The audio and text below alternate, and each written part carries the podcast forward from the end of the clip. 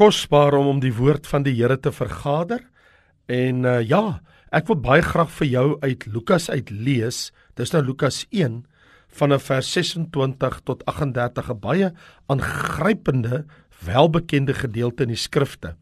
En in die 6ste maand is die engel Gabriël deur God gestuur na 'n stad in Galilea met die naam van Nasaret en 'n maagd wat verloof was aan 'n man met die naam van Josef uit die huis van Dawid en die naam van die maagd was Maria. En die engel het by haar binne gekom en gesê: "Wees gegroet, begenadigde, die Here is met jou. Geseënd is jy onder die vroue." En toe sy hom sien, was sy baie ontsteld oor sy woord. En sy daaroor nagedink wat hierdie groet tog kon beteken. En die engel sê vir haar: "Moenie vrees nie, Maria, want jy het genade by God gevind." En kyk jy sal swanger word en 'n seun baar en jy moet hom Jesus noem.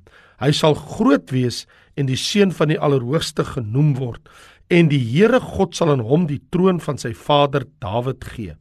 En hy sal koning wees oor die huis van Jakob tot in ewigheid en aan sy koninkryk sal daar geen einde wees nie. Toe sê Maria vir die engel: "Hoe kan dit wees aangesien ek geen man het nie?" En die engel antwoord en sê vir haar: Die Heilige Gees sal oor jou kom en die krag van die Allerhoogste sal jou oorskadu. Daarom ook sal die heilige wat gebore word, seun van God genoem word. En kyk Elisabeth, jou bloedverwant, het self ook 'n seun ontvang in haar ouderdom.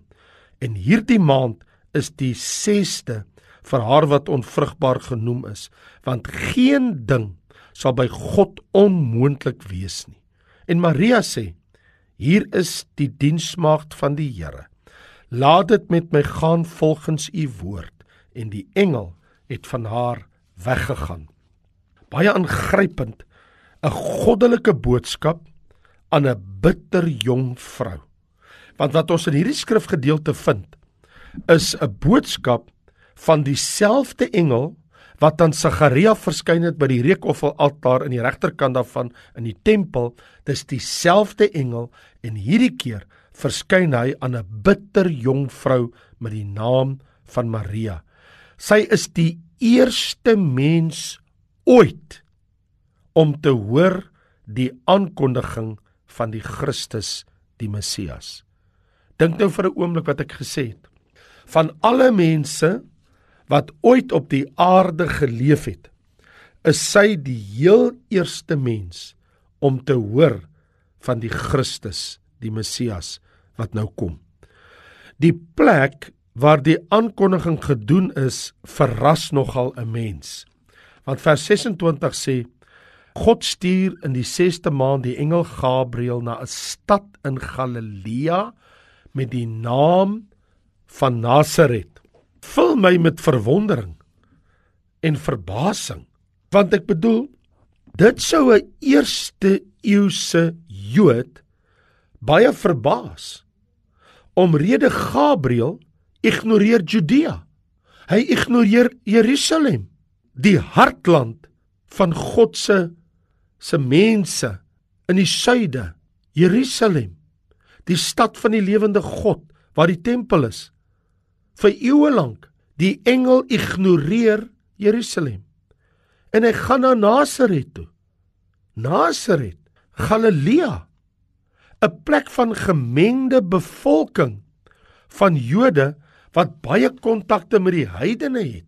Nie net het die engel vir Juda verbygegaan en vir Jerusalem nie en die tempel nie.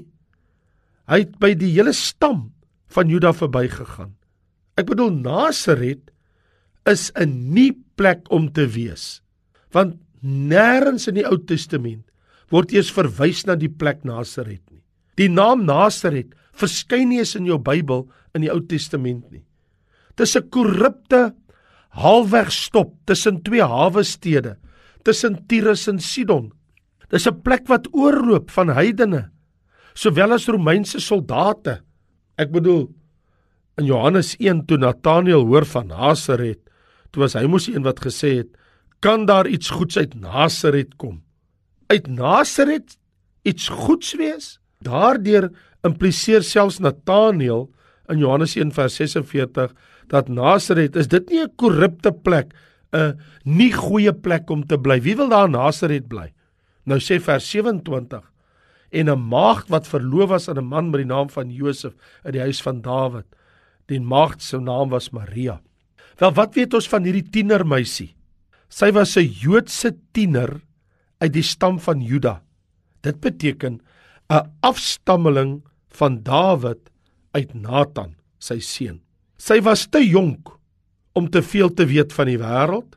Die geskiedenis van die man met wie sy verloof was, met wie sy sou trou, die houtwerker sê dat in die skrywe van die geskiedenis van Josef die houtwerker staan daar dat Maria was ongeveer 14 jaar oud. Daar is ander geskrifte wat sê sy was 12. So, jy praat van 'n tiener van tussen 12 en 14. Laat my dink aan die skrifkenner Raymond Brown wat sê 12 jaar oud. In elk geval Ons weet, ons gaan nie daaroor hare kloof nie, maar een ding is is 'n absolute feit soos 'n paal bo water. Maria was enigiets tussen 12 en 14 jaar oud toe die engel Gabriël aan haar verskyn het. Bloedjonk, 'n tienermeisie. Sy was reeds gegee in verloving aan 'n jong man met die naam van Josef. Ook hy was uit die huis van Dawid, dis uit die stam van Juda, die koninklike stam. Hy kom uit eh, Salomo, die ander seun van Dawid. Beide Maria en Josef, die man aan wie hierdie jong meisie verloof was. Onthou in daardie kultuur het mense baie jonk getrou. By ons vandag is dit 'n nou-nou as mense trou voordat hulle eers in hulle 20er jare is. Maar in die geval van die Bybelse tyd het hulle as tieners hulle reeds aan mekaar gegee dat hulle verloof sou word in 'n belofte dat hulle mekaar sou trou. En Josef kom uit die geslag van Salomo die seun van Dawid. Maria kom uit die geslag van Nathan die seun van Dawid. So albei kom uit die stam van Juda. En Maria was brandarm. Sy was glad nie welgesteld nie. Hierdie vrou, hierdie jong vrou Maria Sy was arm maar verloof. Maria soos duisende voor haar lewe as 'n niemand van belang in 'n niksseggende dorpie in die middel van nêrens iewers in Noordwes Galilea. En Maria was heel waarskynlik soos meeste meisies van haar dag ongeletterd, heel waarskynlik. Sy het nie 'n TV gehad nie. Sy het nie 'n selfoon gehad nie. Sy het nie 'n komputer gehad nie. Maar wat ek wel lees is in vers 28 29 en die engel het by haar gekom het gesê: "Wees gegroet, begenadigde. Die Here is met jou. Geseënd is jy onder die vroue." En toe sy hom sien, was sy baie ontstel oor sy woorde en sy het daaroor nagedink wat hierdie groet tog kon beteken. Nou dit is 'n absolute feit dat die grootste nuus ooit gehoor in Israel het gekom na een van Israel se nederigste mense, 'n jong tienermeisie. En die eerste gedagte by Maria behalwe dat sy ontstel is oor die engel se woorde is: "Waarom kom die engel na my? Hoekom groet hy my so? Hoekom sê hy God is met my? Hoekom sê hy vir my jy is geseënd? Jy's bo die ander vroue. In ander woorde, you are highly favored." En daar staan in vers 29 en sy daaroor nagedink wat hierdie groet die die woord van die engel tog kon beteken. So hierdie reaksie van Maria, hierdie jong maagd, openbaar aan ons haar nederigheid en eerlikheid voor God. Eerstens moet jy weet, sy het nooit in haar jong lewe verwag om 'n engel van God te sien nie. Dit was nooit in haar gedagtes nie. Tweedens, Sy het nog nooit haarself gesien as iemand met spesiale gunste van die hemel op haar lewe nie. Sy's net 'n jong tienermeisie. En vir 'n oomblik flits dit deur Maria se gedagte. Kan dit waar wees? Droom ek nie miskien nie. Miskien moet ek regop sit. Dalk droom ek net. Nou sê die woord. Die engel sê vir haar moenie vrees nie Maria. Jy het genade in God se oë gevind. Nou, is dit nie interessant dat Gabriël weet wat is Sagarias se naam? Hy sê vir hom Sagaria. Die engele weet wat is jou naam. Die engel kom by Maria en hy sê Maria, hy ken jou naam. Die engele ken ons name. En sy dink by haarself: "Maar hoe kan dit wees?" En nou lees ons en hy sê vir haar: "Jy het genade by God gevind. Jy gaan swanger word, jy gaan 'n seun baar, jy moet hom Jesus noem. Hy sal groot wees, seun van die Allerhoogste, en God gee hom die troon van sy vader Dawid en hy sal koning wees oor die huis van Jakob tot in alle ewigheid en sy koninkryk tot in alle ewigheid." Nou moet jy verstaan, hier's 'n jong meisie.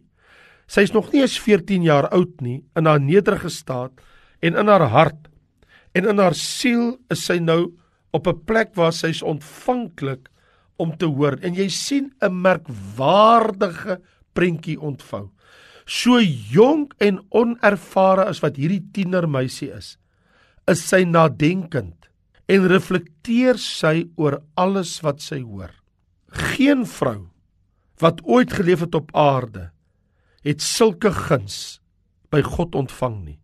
Maria, jy is die kroon van alle vroue.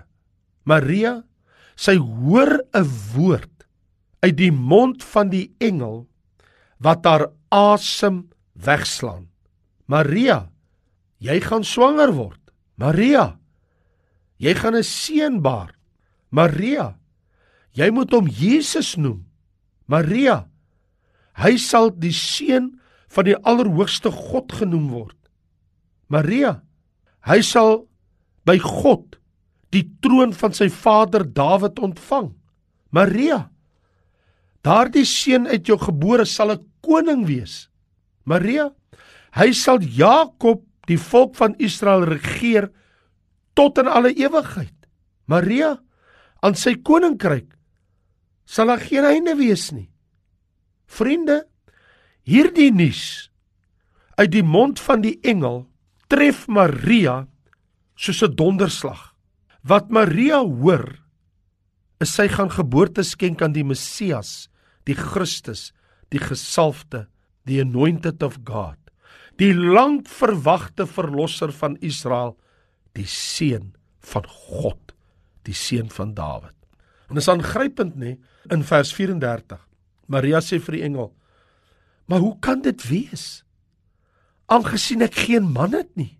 En soos Maria die woorde van die engel oordink in haar nederige hart oorweeg, vra sy die een logiese vraag. Letterlik vra sy: "Hoe kan dit wees aangesien ek nog nooit met 'n man seksueel verkeer het nie? Ek is nie deur 'n man beken nie. Ja, ek is verloof aan Josef, maar ons het nie saamgekom nie. Ons slaap nie saam nie. Hoe is dit moontlik? Maria is nie ongelowig nie. Sy vra omdat sy nie verstaan hoe dit kan gebeur nie. Haar vraag is 'n biologiese vraag. Here, hoe gaan U dit doen?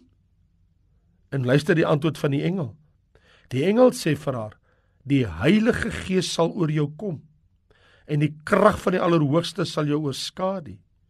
Daarom sal die heilige wat gebore word seun van God genoem word. So, hier is die antwoord. Gaan 'n wonderwerk wees. Die Heilige Gees sal oor jou kom.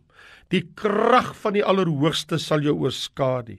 So die Engelse verduideliking is deur die Gees van God en deur die krag van die Allerhoogste God sal oor wat jou gespreek is tot stand kom. Jy sien wat Gabriël inderwaarheid vir haar sê is, God gaan 'n wonderwerk doen Maria. 'n Maagd gaan swanger word en jy is die maagd wat gaan swanger word. En dit vervul inderwaarheid God se woord aan die profeet Jesaja wat eeue van tevore 700 jaar terug 700 jaar gelede het Jesaja geprofeteer in Jesaja 7 vers 14 kyk die maagd sal swanger word en 'n seun baar en jy moet hom Immanuel noem wat beteken God met ons. Dit is presies dieselfde wat ons sien in Matteus hoofstuk 1, toe die engel vir haar sê in Matteus 1 vers 23, kyk, die want dit sal vervul word soos waar geskrywe staan, die maagd sal swanger word en 'n seun baar en hulle sal hom Immanuel noem. Dit is as dit vertaal word, God met ons. Jy moet hom Jesus noem. Jesus beteken saligmaker. Dat Jesus groot sal wees, sien ons in sy oorsprong Hy's genoem seun van God. Ons sien dit in sy liefde. Hy gee sy lewe. Ons sien dit in sy krag. Niks is vir hom onmoontlik nie. Ons sien dit in sy koninkryk. Dit duur tot in alle ewigheid. Maria het dit al by jou begin insink. Besef jy? Maria, jou gesig. Gaan na die spieël. Kyk na jou gesig. Van alle mense wat ooit geleef het op die aarde, gaan jy die naaste aan Jesus lyk. Jy het sy gelaatstrekke, jy sy moeder. Jy gaan aan hom geboorte skenk. Julle gaan na mekaar lyk tot in alle ewigheid. Maria, jou en Jesus se gesig lyk die meeste na mekaar. Maria, geseënd is jy onder die vroue. Geseënd is jy onder alle mense wat ooit op die aarde leef. Almal wat na jou kyk, gaan iets van Jesus in jou gesig sien, van nou af tot in alle ewigheid. Dis asof hulle ook na Jesus kyk, wat julle lyk na mekaar, ma en seun. Wat 'n godsvoorreg. Vriende, dit kan nooit van enige iemand gesê word wat ooit geleef het. Daar's niks van Josef jou verloofde in jou seun wat gebore word nie, want hy het nie 'n vader nie. Josef is nie die vader nie. Die Heilige Gees gaan jou bevrug. Maria, voor Gabriël vertrek het, gee vir jou teken om alles te bevestig. Vers 36. Kyk Elisabeth jou jou bloedverwant. Onmiddellik dink Maria, daai ou vrou Elisabeth en Sagaria die priester, en hy sê vir haar, hy het self 'n seun ontvang in haar ouderdom. In hierdie maand is die 6ste. Sy hoor Elisabeth wat nie kan kinders hê nie, sal 6 maande swanger. Geen ding is by God onmoontlik nie hoe moes dit dan gegryp het? For not impossible will be any word with God. Jy weet die American Standard Version sê hier van die teks in vers 37 for no word of God shall be void of power. En Maria se antwoord? Dit is soveel anders as die priester Sagaria. Maria sê hier is die diensmaagd van die Here. Laat dit met my gaan volgens u woord. En die engel het van haar weggegaan. In die lig van die feit dat almal haar sal bevraagteken. Watter familielid sal haar storie glo? Selfs Josef haar verloofde, wat moet hy van haar dink wanneer hy uitvind sy swanger? Ongeag al hierdie vrae, al hierdie onsekerhede in hierdie jong tiener se gemoed, verklaar hierdie vrou: Hier is die diensmaagd van die Here. Laat dit met my gaan volgens u woord. Sy weet nie hoe nie, maar sy glo en sy spreek met oorgawe. My vriende, as Jesus Christus die seun van God in ons is, dan is ons kinders van God. Ook ons, ek en jy, ten slotte moet 'n nederige hart openbaar, soos 'n Maria van ouds. Ook ek en jy moet 'n doelbewuslike, reflektiewe hart kweek wat mediteer op God se woord. Ook ek en jy moet soos 'n Maria 'n gelowige hart openbaar. Nie net nederig nie, nie net moet ons reflekteer nie, maar ook 'n gelowige hart soos 'n Maria hê. En dan moet ons ook soos 'n Maria 'n oorgegewe hart openbaar. Doen met my Here volgens u wil, volgens u woord. En laastens moet ons ook 'n onderwerpende hart hê, soos Maria gesê het, hier is die diensmaagd van die Here. Laat dit met my gaan volgens u woord. Verstaan jy wat ek sê? Ons moet 'n nederige hart, 'n reflektiewe hart, 'n gelowige hart, 'n oorgegewe hart, 'n onderwerpende hart soos sy vandag openbaar. Wil jy nie saam met my bid nie? Here, hier is ons. En ons wil sê soos Maria van ouds, laat dit met ons gaan volgens u woord. Laat dit met u diensmagd gaan volgens u woord. Laat dit met u dienskneg gaan volgens u woord. Dankie dat ons uit hierdie gebeure iets baie kosbaars kan leer. Dat ons hierdie goddelike boodskap wat gegee was aan 'n jong, 'n bitter jong vrou, dat ons ook daardie boodskap in ons hart kan bewaar en dat ons ook kan sê Here, laat dit met my gaan volgens u woord met volle oorgawe. Dit bid ons in Jesus heerlike en goddelike naam. Amen.